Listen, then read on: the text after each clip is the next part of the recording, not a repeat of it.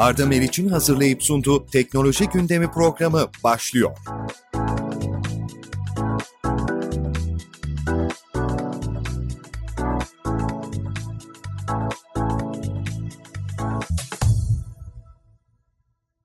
Merhaba sevgili dinleyiciler. Arda Meriç ile Teknoloji Gündemine hoş geldiniz. Bugün yine değerli bir konuğum var yanımda. Sevgili Suat Baysan. Hoş geldiniz Suat Bey. Merhabalar Arda'cığım. Nasılsın? Her şey yolunda mı? Yolunda yolunda. Her şey yolunda. Çok teşekkür ederim. Sizler nasılsınız? Biz de iyiyiz valla işte. Evden malum çalışmaya devam. Yani sizin gibi tecrübeli bir ismi ağırlamaktan bir kere çok onur duyduğumu belirtmek isterim. E, çünkü Türkiye'nin en önde gelen bilişim ve teknoloji sektöründe alanında yıllarını vermiş bir isim. 40 yıl aşkın bir tecrübeniz bulunuyor. Bilişim ve teknoloji sektöründe yer alan herkes sizi çok iyi tanıyor. Biraz dinleyicilerimize kendinizden bahseder misiniz? Tabii ki iyi bir yayın olmasını diliyorum. Sağlıklar diliyorum. Sen de bahsettiğin gibi 40 yıldır sektördeyiz. Hem Türkiye'de hem de çevremizdeki tüm ülkelerde görev yaptım. Temel olarak da elektronik mühendisiyim. Evet, elektronik mühendisi. Tabii e, birçok markada üst düzey yöneticilik pozisyonunda yer almıştınız. Ben bazılarını hatırlıyorum, bazılarını hatırlamıyorum. Siz de değinebilirsiniz isimleri. Tabii ki e, ben e, kariyerime NETAŞ'ta başladım. 10 yıl araştırma geliştirme, Türkiye'nin ilk telekom altyapılarının sayısala geçtiği dönemlerde ARGE'de çalıştım.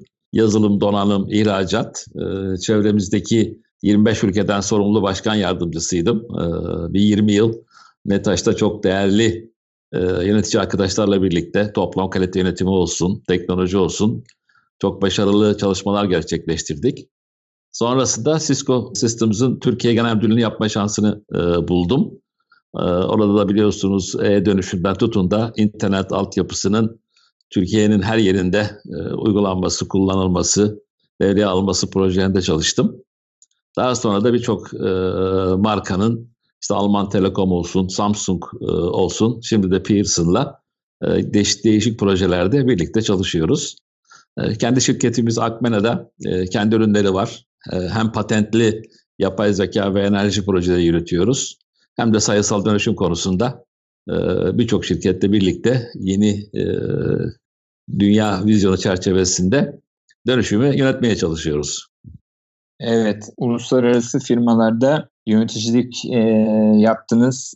Birçok firmaya, uluslararası firmaya danışmanlık verdiniz. Ve şimdi Akmena adı altında şirketinizde tecrübenizi yansıtıyorsunuz. Aslında Akmena için tecrübelerinizin dışa vurumu da diyebilir miyiz? Akmena tabii ki bir hayalimdi benim. Hani her zaman profesyonel yönetici olarak çalıştık ama bir e, katma değerimiz olsun ülkemize e, şeklinde bir e, yaklaşımımız oldu. Akmen'e bir karışım. Ee, hem araştırma geliştirmeye devam ediyoruz. Ee, Okan Üniversitesi ile birlikte enerjinin optimizasyonu konusunda bir yapay zeka projesi yürütüyoruz patentiyle birlikte. Bir de yine kendi ürünlerimizi geliştirdik sayısal dönüşümle ilgili. Onlar da çok ilginç ürünler oldu. Ee, birçok kuruluş kullanıyor.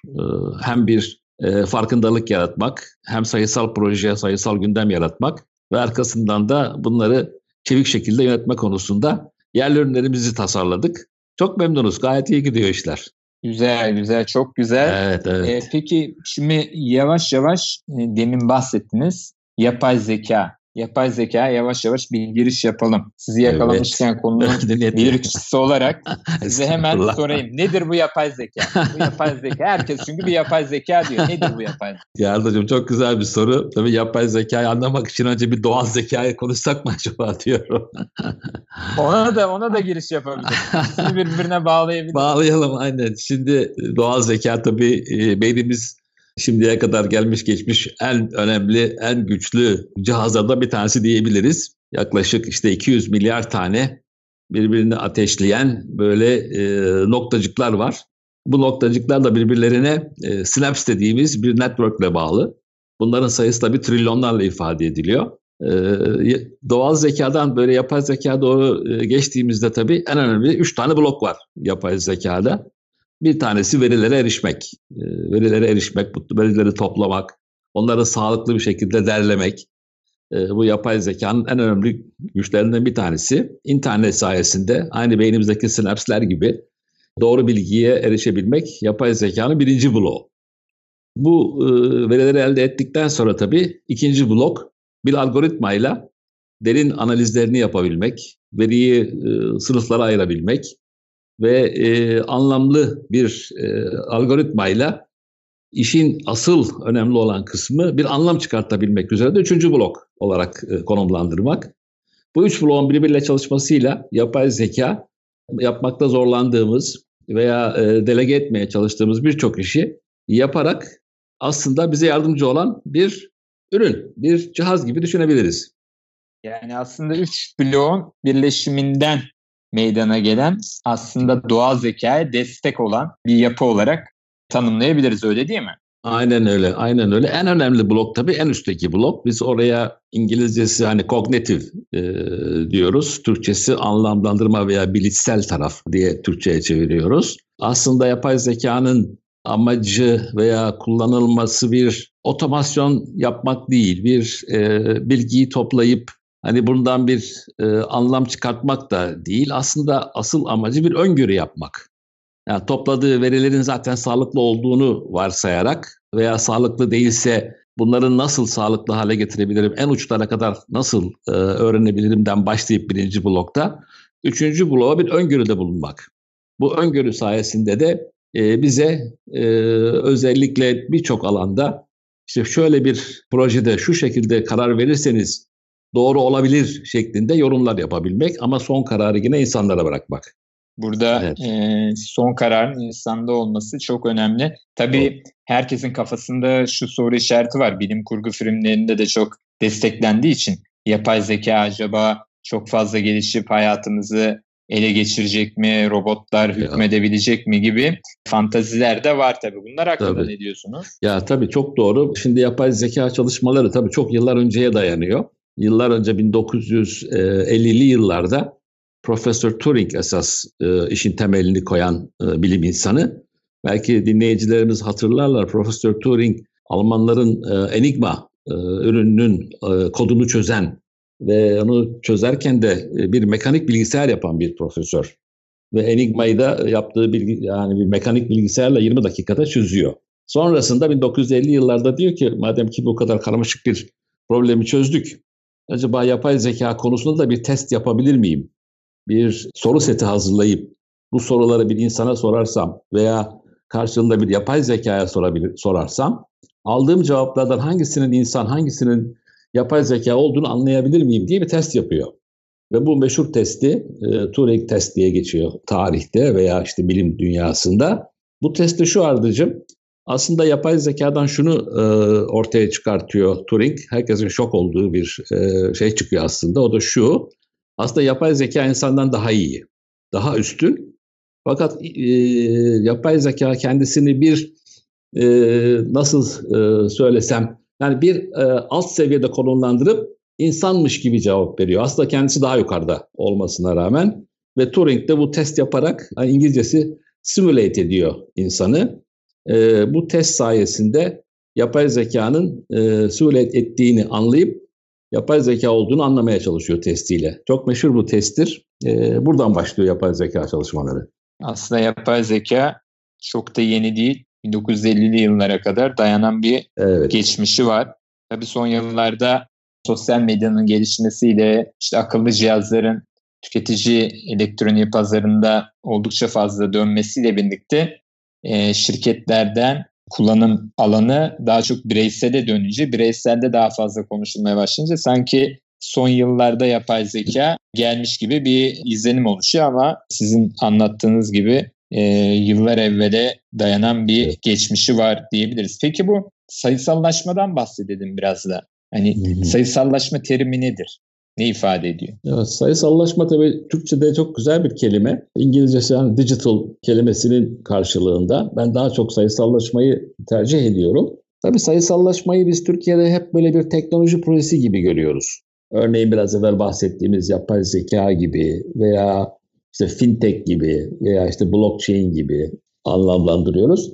Aslında sayısallaşmanın bir teknoloji projesi olmadığını, teknolojinin sayısallaşmanın bir parçası olduğunu ama asıl meselenin kurumsal yönetişim olduğunu yavaş yavaş anlıyoruz. kurumsal yönetişim derken de bir kuruluşun büyük şirket olabilir, KOBİ olabilir, çok daha küçük bir şirket olabilir. Aslında iş süreçlerinin yani şirketin, kuruluşun dış dünyayla olan iletişiminin daha farklı bir ortama alınması, biraz evvel bahsettiğimiz sosyal medya gibi, elektronik iletişim gibi.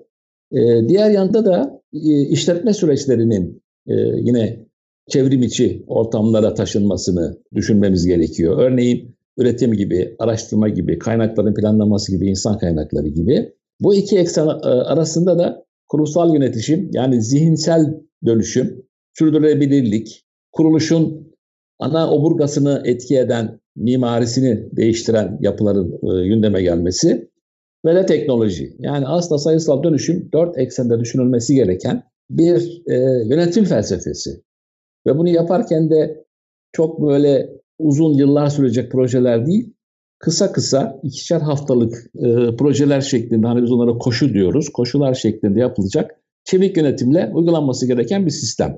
Yani teknolojiyle bağlantısı var ancak asıl sayısal dönüşümün yapıldığı yer dış süreçler, iç süreçler, işletme süreçleri, kurumsal yönetişim ve teknoloji gibi dört eksende özetleyebiliriz sevgili Ardıcığım. Bu da çok önemli yani evet. e, küçücük bir kelime aslında bayağı bir e, açılımı Altısı var. Dolu, özellikle aynen. sizden duymak istedim.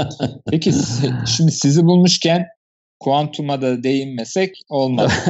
e, şimdi evet kuantumdan bize biraz bahseder misiniz? Yani kuantum hakkında konuşabilecek Türkiye'de hatta dünyada çok fazla konusunda uzman insan yok. Bunu da buradan ekleyeyim. Dolayısıyla Suat Bey'i bulmuşken hemen kuantuma da bir girelim. Evet çok teşekkür ederim. Tabii kuantuma girince çıkmak zor olacak orası. Zaten sizi bir programla sınırlandırmak çok zor olacak ama el verdiğince iyi bir şekilde e, dinleyicilerimize aktarmaya çalışacağız. Tabii kuantum teorisi de çok e, eskilere dayanıyor. 1920'li yıllarda asıl e, Max Planck'ın e, bulduğu bir teori. O zamanlar Einstein'ların yaşadığı dönemlerde e, bulunan bir teori. O da şu şekilde, belki dinleyicilerimiz arasında mühendisler vardı çok rahatlıkla anlayacaklar. Ancak ben daha da e, basit bir şekilde söylemeye çalışayım, ya anlatmaya çalışayım. Elektromanyetik dalgaların frekansları var hepimizin bildiği gibi. Şu anda 4.5G'den konuşurken 2.6 GHz bandında konuşuyoruz. Elektromanyetik dalganın frekansını arttırdıkça belli bir yerden sonra örneğin mesela 2 THz'e falan geldiğimizde biz bu dalgayı görüyor oluyoruz. Yani ışık oluyor. Fakat biraz daha frekansını arttırırsak bir süre sonra artık e, titreşim, elektromanyetik dalgadaki titreşim sona eriyor. Ve sona erdikten sonra da atomdan artık parçacıklar ayrılmaya başlıyor. Biz buna radyasyon diyoruz. İşte bu ayrılan parçacıklardan bir tanesi de elektrondur. Elektron bir atomdan ayrıldıktan sonra e, iki tane davranışa içine giriyor. Bir tanesi dalga, bir tanesi madde. İşte elektronun bu dalga ve madde prensiplerinden hareket ederek elektronun nerede olduğunu bulmak tamamen bir olasılık teorisi haline dönüyor. Olasılık olduğu zaman da eğer biz bunu elektronik terimlerle çevirirsek bir biti bir veya sıfır gibi görürken elektronun nerede olduğunu, bir mi olduğunu, sıfır mı olduğunu ancak elektrona bakıp gözlemlersek nerede olduğunu anlayabiliyoruz. Ve buna qubit diyoruz. Şimdi qubit olunca tabii ancak gözlemlendiği zaman ne olduğunun farkına vardığımızdan dolayı elde ettiğimiz bilgi milyonlarca, milyonlarca kat artarak e, ortaya çıkıyor. Şu andaki görüştüğümüz bilgisayarlar, hani binary bilgisayarları yerine kuantum bilgisayarlar geldiği zaman e, elde edeceğimiz bilgi veya işlem kapasitesi yani hayalimizin bile ötesinde çok daha yüksek seviyelerde olacak. Çok kısaca böyle bir e, giriş yapmış olalım kuantum mekaniğine.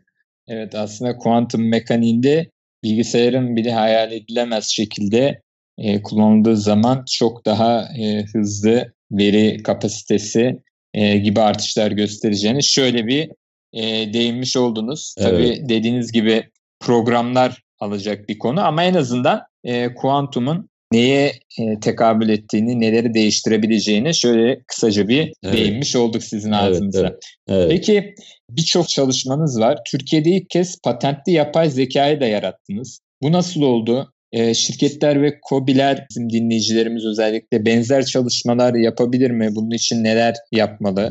Bunları da sizden alalım. Tabii ki kesinlikle yapabilirler. Şimdi bizim yaptığımız çalışma şöyle bir çalışmaydı. Biz e, enerjiyi optimum kullanabilecek bir algoritma tasarlamaya çalıştık. Bu algoritmayı tasarlarken de dört tane temel ana unsur üzerinde e, odaklandık. Bir tanesi tabii bu yenilebilir enerji olduğu için bir tanesine şöyle karar verdik. E, acaba yarın sabah elektriği veya enerjiyi ürettiğimiz noktada hava durumu nasıl olacak? Bununla ilgili bir algoritma tasarlandı. Ve inanın o kadar zorlanıldı ki ben böyle olduğunu hiç tahmin etmiyordum. Ya ne olacak bakarız havaya yarın sabah ne olacağını biliriz diyordum. Ancak gerçekten hiç öyle değilmiş. Aldığımız bilgiler, verilerde hiç kimse kesinlikle hiçbir garanti veremiyor. Havanın nasıl olacağı konumunda. Buna şey dahil yani ücretli servis veren işletmeciler de dahil. Onun üzerine biz birçok veriyi toplayarak birincisi hava durumunun nasıl olacağını tahmin algoritması geliştirdik. İkincisi tüketim algoritması. Örneğin bir evi örnek verecek olursak acaba yarın sabah yine yani yarın ertesi gün e, bu evde e, elektrik tüketimi hangi alanda daha fazla olacak? İşte buzdolabı mı çalışacak, klima mı çalışacak? Nasıl bir tahmin algoritması yapabiliriz diye bir çalışma yaptık. İkincisi e, oydu. Üçüncüsü ise tarifeler. E, henüz daha online tarifelere geçilmedi e, ülkemizde ama daha sonraki yıllarda artık tarifeleri de saatlik, dakikalık farklı algoritmalarla alıyor olabileceğimiz için böyle bir algoritma geliştirdik ki ertesi günkü en ucuz elektriği nasıl satın alabiliriz veya nasıl satabiliriz? Son olarak da akıllı depolama. Acaba depoladığımız elektriği ve enerjiyi depoladığımız sistemlerde kapasitemiz ne durumda? Ne kadar harcayabiliriz gibi. Bu dört algoritmayı yapay zeka ne yapıyor? Yapay zeka bu dört algoritmayı alıp bir optimizasyon, bir öngörü yapmaya çalışıyor ve şöyle bir yani çok basit bir örnek vermek gerekirse şöyle bir tahminde bulunuyor. Diyor ki mesela örnek işte yarın hava çok iyi olacak. Şu kadar elektrik üretebiliriz. Tüketiminiz belirli seviyede şöyle olacağını düşünüyoruz. Tarifelerin satış daha iyi olacak. Akümüzde veya akıllı depolama sistemimizde dolu. Ben diyor şunu tavsiye ederim size. Şu anda bir saat elektriği satalım. iki saat sonra tekrar alalım ve sonuç olarak da şu kadar bir tasarruf yapalım. İşte yapay zekadaki lisanslı veya patentli algoritmamız bu örnek olarak vermek gerekirse. Evet gerçekten çok önemli bir çalışma. Ee, önemli patentli bir çalışma. Özellikle yapay zekanın ilk örneklerinden diyebiliriz. Şirketler ve COBİ'ler benzer çalışmalar için neler yapmalı? Sizin gibi bu yapay zekayı yarattınız. Şimdi ben hep bunu tavsiye ediyorum. Şirketler bir kere yaptıkları işi e, en iyi şekilde yapmakta kümreler ve sorumlular. Bu, burada bir kere kesinlikle taviz vermemek lazım. Şimdi yapay zekada belki bir şey eksik kaldı. Onu da e, şöyle tamamlayalım. Şimdi yapay zeka böyle satın alınabilecek bir ürün olmayacak hiçbir zaman. Hani kuantum bilgisayar nasıl bir tane kuantum bilgisayar yapıp tüm dünyanın internetini veya trafiğini onun üzerinden yönetebileceğimiz gibi yapay zeka da genellikle bulutta e, duran ve bir hizmet veya servis veren bir ürün gibi düşünmemiz gerekiyor. Şimdi bizim elektronik terminolojisi çok fazla oluyor bazen e, çok kafa karıştırıyor. E, bunlara biz XAAS diyoruz. Hani her şey bulutta şeklinde. Onun için yapay zeka da bulutta duracak. Bulutta durduğu için, veri merkezinde durduğu için biz hizmet olarak kullanacağız. İşte benim tavsiyem de şu, bütün küçük şirketlere, COBİ'lere satın almak yerine hizmet almak modeline gitmek çok daha doğru. Yaptığınız işi en iyi şekilde yapabilecek servisleri, hizmetleri çok kolay bir şekilde buluttan, yapay zekadan servis alarak ve onun üzerine küçük bir katma değer sağlayarak yapabilirsiniz. Bunu kobilerimize mutlaka anlatmamız lazım. Ve bu sistem tüm dünyada bu şekilde işleyecek. Bilgisayarlara veya cep telefonlarımıza giren yazılımlar şeklinde olacak, küçük yazılımlar ve asıl hizmeti verecek olan veri merkezlerindeki ana yazılımlar olacak. Eğer bunu anlayabilir ve en iyi şekilde kullanabilir işimizin verimliliği açısından işletme süreçlerinde veya et açısından iş süreçlerinde kullanabilirsek işte o zaman başarıyı yakalayabiliriz sevgili Ardacığım. Evet gerçekten e, verdiğiniz bilgiler çok önemli. E, çünkü başarıyı yakalamak için maliyetlerin düşürülmesi gerekiyor. Bazen de kobiler veya orta ölçekli firmalar genelde maliyetlerden korkup gerçekleştirebilecekleri projelerden de kaçıyorlar. Evet. Dolayısıyla sizin belirttiğiniz gibi bulut üzerinden alınan hizmetler e, maliyetleri de oldukça düşürdüğü gibi aslında kullanımı da pratikleştiriyor. Şu anda serverların bir ofiste durması, şirkette durmasındansa her an her yerden erişilebilir olması hem güvenlik açısından da e, daha iyi bir nokta. Peki Yıllar evvel Irak'ta bombalar düşerken santral satışı yapmışlığınız da var. ee, evet yani o, o kadar başarılı işler çıkarmışsınız hem de teknolojinin o tarihten bu tarihe gelişimine de seyirci olmuşsunuz. O dönemlerle bu dönemler arasında ne tür farklılıklar var? Gerçekten kolay dönemler değildi o dönemler. Hem şey tarafında, kuzey tarafımızda, Rusya'da Cumhuriyetlerin e, ilk bağımsızlığı kazandıkları dönemlerde soğuk içinde Aşağı tarafta da Orta Doğu'da evet sıcak e, sıkıntılı günler olmadı değil oldu. O dönemler şöyleydi sevgili Ardıcığım. Daha çok hazırlık dönemleri olarak görüyorum ben onları. Bakın ilk e, sayısallaşmanın, altyapının e, başlaması Türkiye dahil 1985'li yıllardır. Ancak 85'ten biz 2000 yılına kadar neredeyse 15 yıl bu üst yapının çalışabilmesi için doğru altyapıların kurgulanmasında çalıştık. Topolojiler, işte iletim sistemleri, anahtarlama sistemleri. Ancak bunlar kurulduktan sonra şimdi üst yapılar e, çok daha rahat çalışıyor. Örneğin şimdi yazılım sektöründe geliştirdiğim bütün yazılımlar altyapıdaki o donanımlar sayesinde oluyor. Kıyasladığımız zaman onlar uzun süreçlerdi. 85 yılında başlayıp işte 90'lı, 95'li, 2000 yıllara doğru neredeyse 15 yıl süren bir altyapı çalışması sonucunda şimdi çok daha basit, çok daha kolay, çok daha hızlı yazılım geliştirilebiliyor. İşte Android'de olsun veya iOS'te olsun yazılım geliştirebiliyor. Yani fark şu, o zaman çok uzun süren işler şimdi çok daha kolay yapılabiliyor. Çok daha hızlı yapılabiliyor. Çok daha çabuk test ediliyor. Çok daha çabuk müşteri deneyimi sağlanıyor. Bizim projelerimiz 18 ay, 24 ay sürerken şimdi işte agile diyoruz, çevik diyoruz. 2 haftada yapabiliyoruz. Yani fark o. Ancak tabii şöyle bir şey de getiriyor e, bu fark.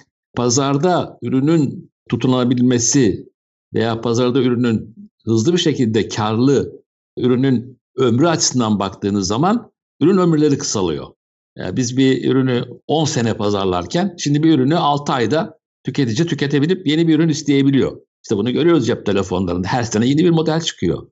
Onun için hızlı güzel ama ömür ürün ömürlerini de kısaltması nedeniyle de ciddi bir fark yaratmak e, önemli hale geldi şimdi. Evet aslında hizmet kullanımı e, yavaş yavaş tüketimde çoğul kullanıma geçmeye başlayınca sistemler de değişmeye başlıyor. Daha evet. önceden bir cep telefonuyla iletişim kurmak için, hizmet almak için e, çalışılırken şimdi sosyal medya kullanımı, fotoğraf çekimi, masaya koyduğunuzda dikkat çekmesi gibi birçok yönlü olarak gelişimi var. Dolayısıyla kullanım alışkanlıkları da değişiyor ve sizin söylediğiniz gibi e, bir cep telefonu zamanında bir yıl iki yıl götürürken şu anda 6 ayda bir yeni model çıkıyor birçok markada ve 6 ayda bir bunu yeni pazarlama stratejisiyle işte bir takım eklenen yeni özelliklerle e, pazarlaması sağlanıyor. Aslında bu da e, tüketime insanları yöneltiyor. Biraz teknolojiye bağımlı hale geliyoruz. Öyle değil mi? Siz ne dersiniz bu konuda?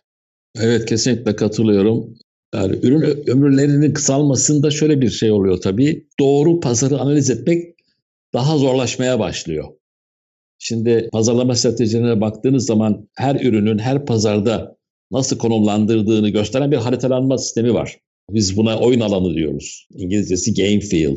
Şimdi oyun alanına baktığınız zaman ürünün yaşa, yaşam eğrisi de çok fazla kısaldığı için ürüne yapılan e, yatırımın daha hızlı bir şekilde geri dönüşünü sağlamak üzere farklı stratejilerle doğru konumlandırmak ve bir anda çıkıp pazardan kar elde etmekte zorluğunu yaşıyor tasarlayıcılar, üreticiler. Ee, onun için tüketicileri çok iyi anlamak, özellikle bu sanal ortamda tüketici davranışları da değişti. Eskisi gibi değil. Gidip ürünü görmek veya dokunmak zorunda kalmıyor kimse. Ekrandan seçip beğenip alabiliyor. Onun için şeyler, pazarlamacılar ve strateji e, düşünen insanlar çok farklı yöntemler kullanmak zorunda kalıyorlar. E, bu, bu iyi bir şey çünkü zamanı, yaratıcılığı çok etkiliyor.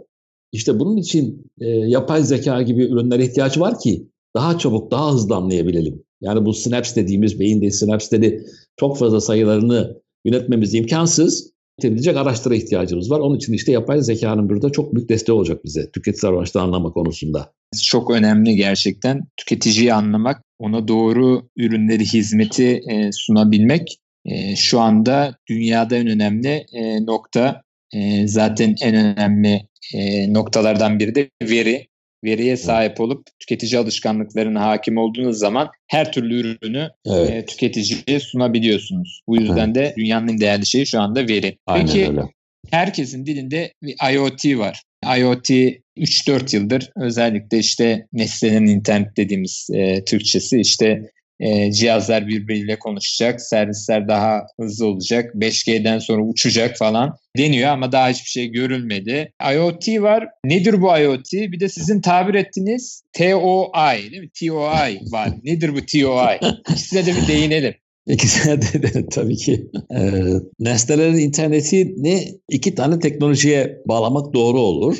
Bir tanesi popüler ismiyle söyleyelim hani Endüstri 4.0 kavramı. Diğeri de 5G. Her ikisiyle birlikte böyle hani düşünürsek konuyu belki daha şey yapabiliriz. Yani daha farklı bir yaklaşımda e, konuyu daha rahat anlayabiliriz. Şimdi 2020 yılındayız. 2020 yılına gelene kadar ki olan süreçte aslında bireyler, kurumlar yani insanlar birbirleriyle bağlantılı hale geldi. Hani network community dediğimiz hale geldi. Şimdi bundan sonraki süreç artık insanlar dışındaki bütün diğer nesneleri, makinaları birbirleriyle iletişim, iletişim haline, iletişim e, yapar hale getirmek. Bunun için de bir sürü rakam veriliyor. İşte 80 milyar e, ürün bağlanacak şeklinde konuşuluyor. İşte bu her tip düşündüğümüz nesneye hani Internet of Things, nesnelerin interneti diyoruz. Aslında örnek vermek gerekirse mesela bir odada duran yangın söndürme cihazı bir nesne. Ama şu anda bağlantılı değil, network'le konuşamıyor. Bir cihaz koyarak bağlantılı hale getiriyoruz ve sürekli konuşmaya başlıyor. Nasıl konuşuyor? Örneğin diyor ki ya bir yangın çıkarsa Allah korusu ben söndüremeyebilirim. İçimdeki basınç iyi değil diyor mesela. Şimdi biz bunlara IoT diyoruz. Fakat öyle bir zaman gelecek ki bütün nesneler daha üretim bandından çıkar çıkmaz zaten bağlantılı çıkacaklar. Yani IoT olmayacak da Things of Internet olacak. Nesneler interneti değil, internetin nesneleri olacaklar. Bunlar kimyasal bir bağlantı olabilir, biyolojik bir bağlantı olabilir, elektriksel bir bağlantı olabilir. Eğer böyle olursa, hal böyle olursa işte asıl bağlantıları yönetebilmenin meselesi benim biraz evvel bahsettiğim üçüncü bloktaki anlamlandırma yazılımları üzerinde olacak. Bu anlamlandırma yazılımlarına da e, dünyada şu anda IoT platformları deniyor. IoT platformlarının milyarlarca nesneyi yönetebilmesi, onlardan bilgileri alıp doğru kararlar verebilmesi, örneğin mesela akıllı şehirlerde ve akıllı fabrikalarda gibi çok önemli. Şimdi Ardacığım düşünebiliyor musun? Üretilen her ürün, masa, sandalye, bardak e, gibi her ürün bir kimlikle müşteriyle buluştuğu anda aynı zamanda kendisinin bir e, ikizi de sayısal ortamda doğuyor. Biz buna hani digital twin, sayısal ikiz diyoruz. İşte bu sayısal ikizin ürünün yaşamı boyunca ürünle ilgili bilgiyi vermesine de TOI, yani Things of Internet diyoruz. Sanırım dünyada ilk ben kullandım bu terimde. Güzel de oturdu. Asıl mesele işte bu sürü halinde olan e, internete bağlantılı doğmuş bütün nesnelerin haberleşmesini sağlayabilmek, iletişimini sağlayabilmek, ne yaptıklarını sağlayabilmek ve elde edilen veriyi biraz evvel senin dediğin gibi trilyonlarca e, megabaytlık veriyi nasıl anlamlandırıp nasıl bir sonuç çıkartıp nasıl bir öngörüyle e, yönetiminin kararını vermek olacak. Yani asıl şey bağlantılı nesneler meselesi olacak önümüzdeki 10 yıl 20 yıllık bir süreç içerisinde. Aslında hem tüketicileri etkileyen hem de otomasyonu etkileyen sistemler var bu e, bağlantılar içerisinde. E, işte Endüstri 4.0 ile birlikte gelen sizin demin e, bahsettiğiniz evet. gibi. Şimdi burada en önemli şey platformların birbiriyle uyumlu olması. E, bu aslında tüketici elektroniği tarafında işte şu anda akıllı evler dediğimiz sistemlerde akıllı şehirlerin tüketiciye indirilmiş hali diyorum ben ona. E, evet. İşte evimizde evimize girdiğimiz zaman kapıyı açtığınızda ışıkların otomatik yanması, oturduğunuz zaman sensörün algılayıp işte dereceyi de algılayıp evin e, içerisindeki sıcaklığı ayarlaması gibi birçok işlem yapılabiliyor. Fakat burada ürünlerin çıkış bandından kaynaklı bazen platform farklılıkları oluyor. Her platform kendini desteklemeyince örneğin 4 ürün elinizde var, 2 ürün farklı elinizdeki e, bütün sistem çöküyor. Dolayısıyla demin bahsettiğiniz gibi bunların birbiriyle net manada konuşuyor olması gerekiyor evet. değil mi? Evet kesin kesinlikle bir de şöyle düşünmek lazım. Mesela şimdi e, verdiğimiz örneklerde Örneğin kapının kolu. Ee, şimdi kapı kolunun bir açılma sayısı var. Kapı kolu şunu diyebilir. Ya işte 100 e, bin defa beni açtık kapattınız. Artık değiştirme zamanı geldi diyebilir. Veya bir lamba. Ee, çok ısındım. Ee, benim herhalde e, bir iki ay ömrüm kaldı. Beni değiştirseniz iyi olur diyebilir. Bunlardan bahsediyoruz. Tabii ki tamamının doğru bir standartla üst katmanlardaki ki 5G altyapısıyla bu üst katmanlar e, tanımlanıyor şu anda. Üst katmanlardaki platformlarla konuşmaları ve aynı standartla konuşmaları çok önemli olacak.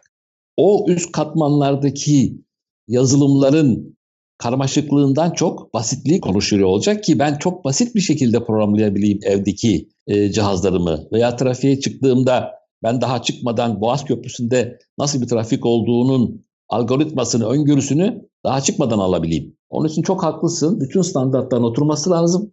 Ve sanırım bunları tabii ki 5G ile beraber çok daha kolay bir şekilde görüyor olacağız şu anda.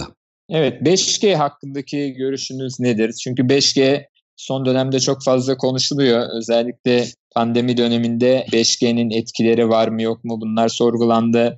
Bir de açıkça söylemek gerekirse aslında birçok ülke Türkiye dahil tam olarak biz 4G'yi 4.5G'yi bile net olarak kullanamıyoruz. Çünkü veri e, akışı istenilen düzeyde değil. 5G geldiği zaman bu hizmet gerçekten alınabilir mi yoksa sadece bir pazarlama olarak işte 5G'li cihazların tekrardan satılması, 5G'ye yönelik bütün ürünlerin değiştirilmesi ama sonuçta yine hizmete geldiğinde düşük veri gibi bir şeyle karşılaşılabilir mi? Hmm. Evet yani şöyle bir 5G'ye giriş yapsak e, iyi olur belki de. Aslında 5G iki önemli konuya e, açıklık getirecek. Bir tanesi biraz evvel bahsettiğimiz belki böyle hani çok fazla bilgi aktarmayan hani köşedeki yangın söndürme cihazı gibi veya bahçenizdeki bir hortumdan gelen suyun basıncı gibi milyarlarca sayıda olan ancak çok fazla bilgi aktarmayan, daha dar bantta, daha az bilgi aktaran bir sayfası gibi düşünebiliriz e, internetin. Diğeri ise bizlerin bitmek tükenmek bitmeyen geniş bant ihtiyacımız. İşte 4K video seyredelim. Yok işte virtual reality, sanal gerçeklik olsun. Ee, çok daha geniş e, bantta işte bir e, otele gitmeden otel içinde ben gezinti yapabileyim gibi bir ihtiyacımız var. Şimdi bu iki ihtiyaç birbirinden o kadar farklı ki bir ağ üzerinde bunların ikisine birden e, çözüm bulmak hiç kolay değil. Onun için 5G'de işte iki farklı ihtiyacı da ortak bir çözüm getirecek bir katmanlar silsilesi olacak 5G. 5G'nin bu katmanlar silsilesini gerçekleştirebilmesi için Biraz evvel belki birinci bölümde bahsettiğimiz elektromanyetik dalgalarda daha yüksek bir frekansa çıkmak gerekecek. E, hatta geçen yıl Mısır'da Şarm el Şeyh'te yapılan ITU toplantısında frekanslara karar verildi. Henüz daha resmi denemeler başlamadı ama frekanslara karar verildi ve 5G, 4.5G altyapısından hiç alakası olmayan bambaşka bir yapı ile karşımıza çıkacak. Ve de bu biraz daha hani bulut ve veri tam temelli olacak. Biraz daha belki ayrıntılara girebiliriz bununla ilgili. Sevgili dinleyiciler Arda Meriç'le teknoloji gündemi tüm hızıyla devam ediyor. Evet Suat Bey, yapay zeka eğitmenliği verdiğinizde biliyoruz. Şirketler için dönüşümün üç ekseni yani şirket dönüşümünden ve öneminden de biraz bahseder misiniz? Dinleyicilerimiz için bu çok önemli bir nokta.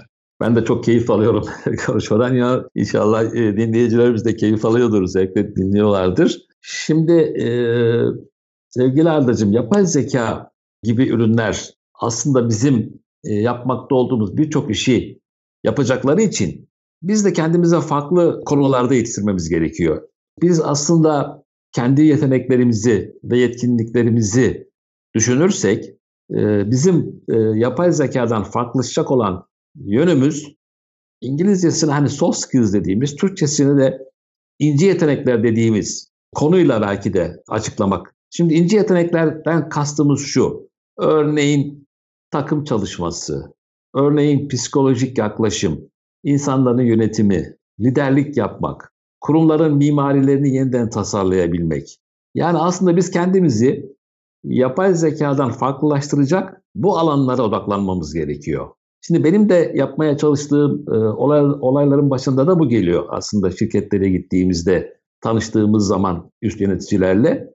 Yani otomasyon süreçlerini, karar mekanizmalarını zaman içerisinde hani buluttan hizmet alarak yapay zeka gibi veya blockchain gibi ürünlere veya fintech gibi ürüne terk edeceğiz. Ama biz biz yapan, biz insan yapan yeteneklerimizi daha da geliştirmek üzere çalışma yapmamız lazım. İşte bu alanlarda ben daha çok hani öğrenim süreçleri içerisinde bulunuyorum ve bu şekilde yardımcı olmaya çalışıyorum kurumlara. Dönüşümün üç eksenini açar mısınız biraz? Tabii açalım. Şimdi dönüşümün birinci ekseni bir kuruluşun dış süreçleri. Örneğin müşterilerle ilişkileri, örneğin yarattıkları etkinlik, sahadaki etkinlik, dağıtım kanalları, halkla ilişkiler, satış, pazarlama ekseni. Biz buna dış süreçler diyoruz. Sayısal dönüşümün ilk dalgasının geleceği nokta burası zaten. Şimdi diğer ekseni işletme süreçleri derken de burası e, verimliliğin, rekabetçiliğin asıl yaratıldığı yer bir kuruluşta. Örneğin eğer bir şirket üretim yapıyorsa üretim süreçlerinde sayısal dönüşüm, biraz evvel bahsettiğimiz Endüstri 4.0 gibi her üretilen ürünün bir kimlikle çıkması, her fabrikadan veya tesislerden. ARGE, ARGE'de sayısal dönüşüm çok çok önemli. Hızlandırmak ARGE'yi. Ee, insan kaynakları, finansal kaynaklar gibi işletme süreçlerinde dönüşüm. Verimlilik ve rekabetçilik için. Diğer eksen, üçüncü eksen ise kurumun kendisinin mimarisini yeniden tasarlanması, kurumsal kimliğini yeniden tasarlanması, sürdürülebilirlik, inovasyon ortamı, iletişim, kurum içerisinde ki iletişim, e, yani kurumsal yönetişim. Üç ekseninden bunu kastediyoruz. Dış süreçler, iç süreçler, kurumsal yönetişim ve dördüncü eksen tabii ki teknoloji.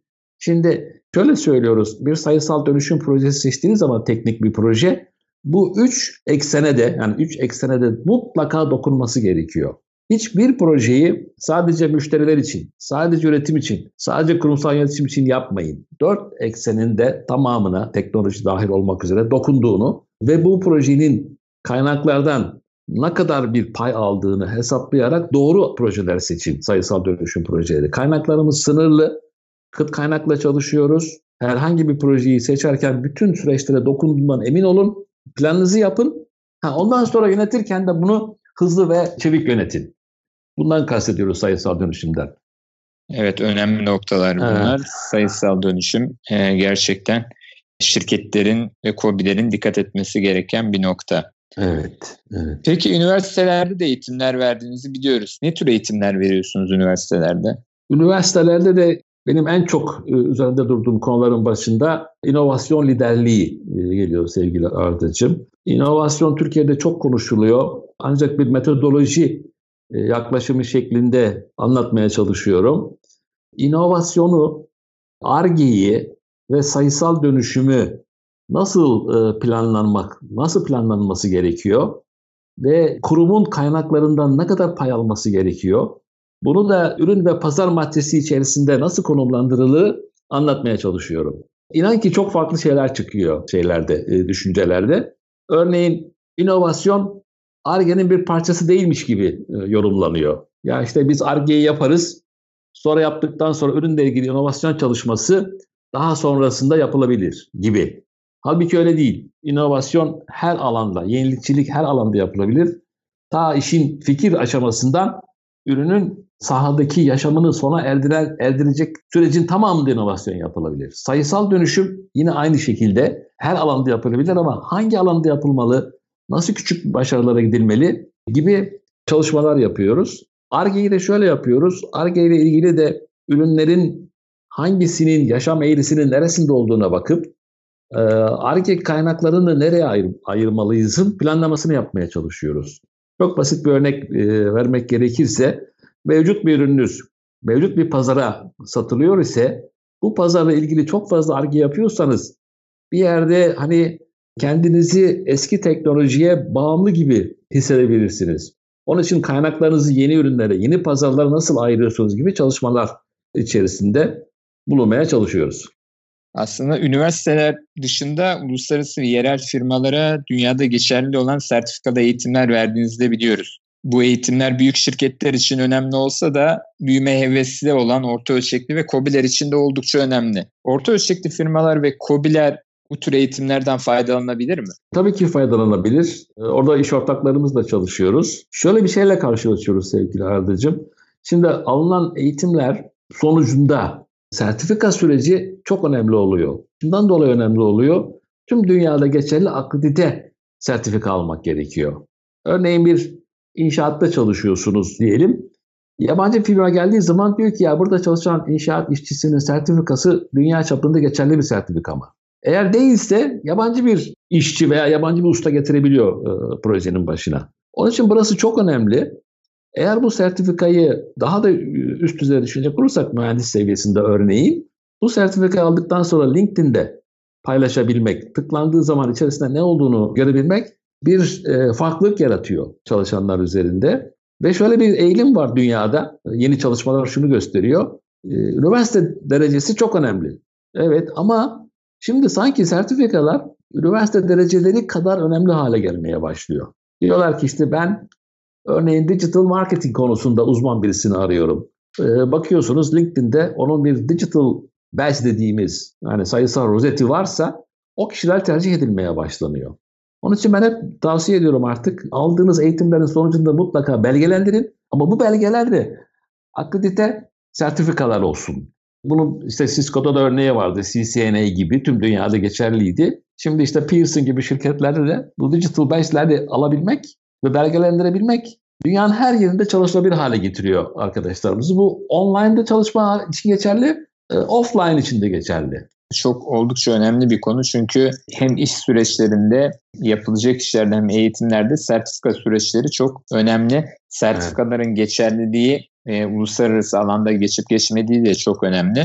Peki bu sertifika süreçleri e, nasıl işliyor? Ee, şöyle işliyor. Aslında online eğitimleri de şöyle düşünmek lazım. Şimdi bir e, hocanın çıkıp e, verdiği dersi e, videoya çekip bunu hani eğittiği veya öğrenimi alan kişilere e, yayınlaması değil sertifika süreci. Şimdi online eğitimleri verirken, e, online eğitim verilen hoca dersi anlatırken hemen sağ tarafında prompterdan söylediği her cümle, her kelime yukarı doğru kayarak e, ilerliyor. İstediğiniz zaman durdurup onu bir kez daha okuma fırsatınız oluyor. İkincisi her dersin sonucunda bir kere içerik mutlaka paylaşılıyor ve küçük küçük quizler yapılıyor. Bu quizlerin sonucunda e, hoca online eğitimde ödev de verebiliyor. Ya şu kitabın şurasına bir bakın, bununla ilgili bir çalışma yapıp bana gönderin şeklinde verebiliyor. Ve böylelikle konu e, sadece bir video seyretmekten çok ötesinde sizin de katma değerinizle e, devam ediyor. Örneğin bir küçük bir quiz'e bir cevap yazabiliyorsunuz. Diyor ki işte otomotiv sektörünü düşünecek olursanız elektrikli araba ile ilgili ne düşünüyorsunuz? Şurası şöyle olsa nasıl olurdu diye bir soruya siz bir şey doldurarak cevap veriyorsunuz. Ve sonunda aldığınız sertifika, oradan onaylı sertifika işte bu şekilde geliyor. Sadece videoyu seyretmek değil, aynı zamanda onun akışını takip etmek, içeriğini download etmek, kitabını okumak, küçük bir proje yapıp yazıp vermek e, ve digital badge'inizi alıp da LinkedIn'de paylaşmak işte esas şey e, fark yaratan e, özellik burada gerçekleşiyor. Evet hem gerçekten öğrenilmiş olunuyor, konuyla ilgili profesyonel eğitim almış olunuyor hem de dünyada geçerli olan bir sertifikasyon evet. süreci tamamlanmış oluyor. Böylece evet. tüm donanımı bir anda hatmetmiş oluyor insanlar. Peki Online eğitimler canlı olarak da veriliyor mu? Evet veriliyor. Ee, örneğin mesela sınıf eğitimleri oluyor. Sınıf eğitimlerinde canlı olarak bir hoca online de verebiliyor veya sınıf eğitimi de verebiliyor. Hani pekiştirme şeklinde veya e, yönlendirme şeklinde e, olabiliyor. Bir de son zamanlarda şöyle bir şey daha ilave edildi bu eğitimlere ki ben gerçekten çok önemsiyorum bunu. Dünyanın belli yerlerindeki belli hocalar e, diyorlar ki işte şu saatte e, bir saat bu konuyu konuşacağız. 10 kişi kayıt oluyor ve bu kayıt olan e, 10 kişi dünyanın çeşitli yerlerindeki insanlar olabiliyor. Örneğin Türkiye'den birisi katılıyor, Brezilya'dan, Portekiz'den, işte Singapur'dan birisi katılıyor ve konu bir saat orada tartışılıyor. E şimdi diyor ki orada ya şunu şöyle yap, yapmasaydın da şöyle farklı bir konuda girsen daha iyi olmaz mıydı diyor. Hem konuyu pekiştiriyorlar, hem karşılıklı konuşuyorlar ve hem de benim çok önemsediğim networking. Yani ağlarını genişletmiş oluyorlar. Asıl şey burada. Fark e, burada oluşuyor sevgili Ardacığım. Evet. Peki eğitimler yerli ve yabancı şeklinde olabiliyor mu? Olabiliyor. E, yerli hocalarımız tabii çok e, değerli hocalarımız var. yerli e, Türkçe e, katma değer e, sağlıyorlar. E, kendi yerel çözümlerinden, yerel sıkıntılardan bahsediyorlar. Onun yanında da yabancı hoca da İngilizce online e, anlatıp bir takım şeyleri değerlendirmiş oluyor. Yani böyle bir karışım şekline gelirse eğitim o zaman asıl öğrenme daha hızlanıyor. Yoksa sadece ekranda seyrederek, YouTube'dan bir şey seyrederek eğitim çok kolay olmuyor. Etkileşim, etkileşim, etkileşim olması çok, çok önemli. önemli. Evet. Peki gelelim gündemin en önemli konusu COVID-19'a. Yılların tecrübeli, profesyoneli ve şirketlere eğitim veren tecrübeli bir ismi olarak şirketlere ve COBİ'lere pandemi döneminde neler yapmasını, ne gibi önlemler almasını önerirsiniz? Evet, sıkıntılı bir süreçten geçiyoruz. Hepimiz aynı şeyi yaşıyoruz. Ancak bazı şeyleri de öğreniyoruz gibi geliyor bana. Örneğin bir anda canlı ortamda online çevrim içi toplantılara katılmak çok kötü olmadığı ortaya çıktı. Verimli olduğu ortaya çıktı. Ee, ben bu süreçte hani birçok şeyi düşünerek farklı neler yapılabilir e, konusunda büyük gelişme bekliyorum Covid'den sonra. Yani acaba ürünlerin, sahaya sürdüğümüz ürünlerin biraz evvelki bölümde bahsettiğimiz gibi tüketiciye olan sunumunda sanal ortamlar daha mı önemli olacak? Bunu öğrenmek için eğitimlerimizi daha çok çevrim içi nasıl yapabiliriz? Özellikle çok uluslu şirketlerde veya yurt dışı ihracatla ve ithaatla uğraşan çok arkadaşımızın, kuruluşumuzun onlarla görüşmelerinde işte ekran paylaşımından tutun da ürünlerin laboratuvarda görülmesine kadar ki süreçte canlı sistemler kullanılabilir gibi birçok teknoloji gündeme gelecek. Yani Covid'den sonra bence eski sistemler artık geçerli olmayacak. Yepyeni bir dünya düzenine doğru gidiyoruz gibi geliyor.